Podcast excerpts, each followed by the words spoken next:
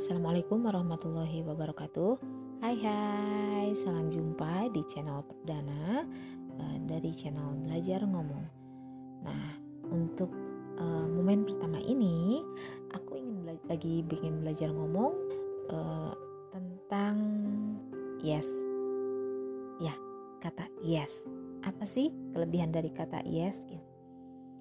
Uh, sedikit sharing. Beberapa tahun yang lalu uh, saya bukanlah pribadi yang ingin segala mencoba. Malu, tidak bisa, tidak tahu, takut ditertawakan teman. Banyak hal faktor yang membuat saya tidak mau melakukan apa gitu. Namun kemudian pada satu titik ternyata semua akumulasi dari keputusan yang saya buat saat itu menyebabkan ada sedikit rasa hati, eh, sakit hati kok bisa sih ada sedikit rasa hati? Jadi kejadiannya itu ada saat itu saya masih sekolah ada seorang guru uh, beliau ingin menunjuk seseorang siswa untuk melakukan sesuatu dan dia melewatkan aku gitu aja gitu. Padahal dalam hati aku juga mau gitu tapi seperti ada keraguan dari guru tersebut bahwa saya bisa. Nah dari sana kemudian saya searching saat itu udah uh, mulai ada internet tiba-tiba saya lihat ada satu novel atau satu film atau apa gitu ringkasan uh, tentang seseorang yang judulnya Yes dia seseorang yang uh, selalu sial namun kemudian uh, pada satu waktu dia mengubah semuanya dengan kata yes.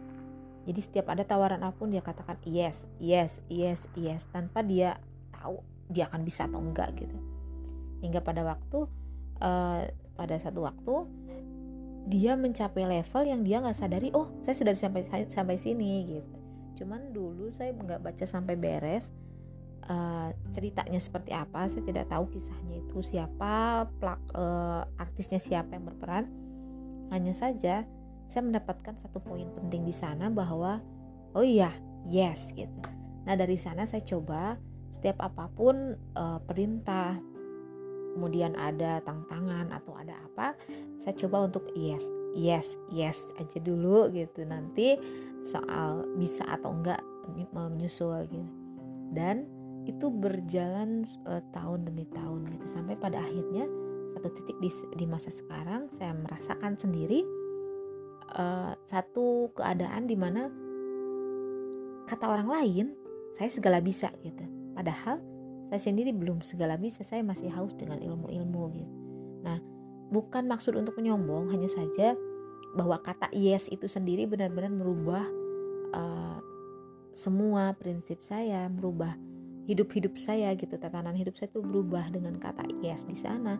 Hidup terasa lebih baik terasa bisa melakukan gitu. Jadi termotivasi lagi dengan tantangan-tantangan ya Demikian saja nih aku belajar ngomong di podcast perdana kali ini. Sudah maghrib. Ditutup ya. Bye bye. Assalamualaikum.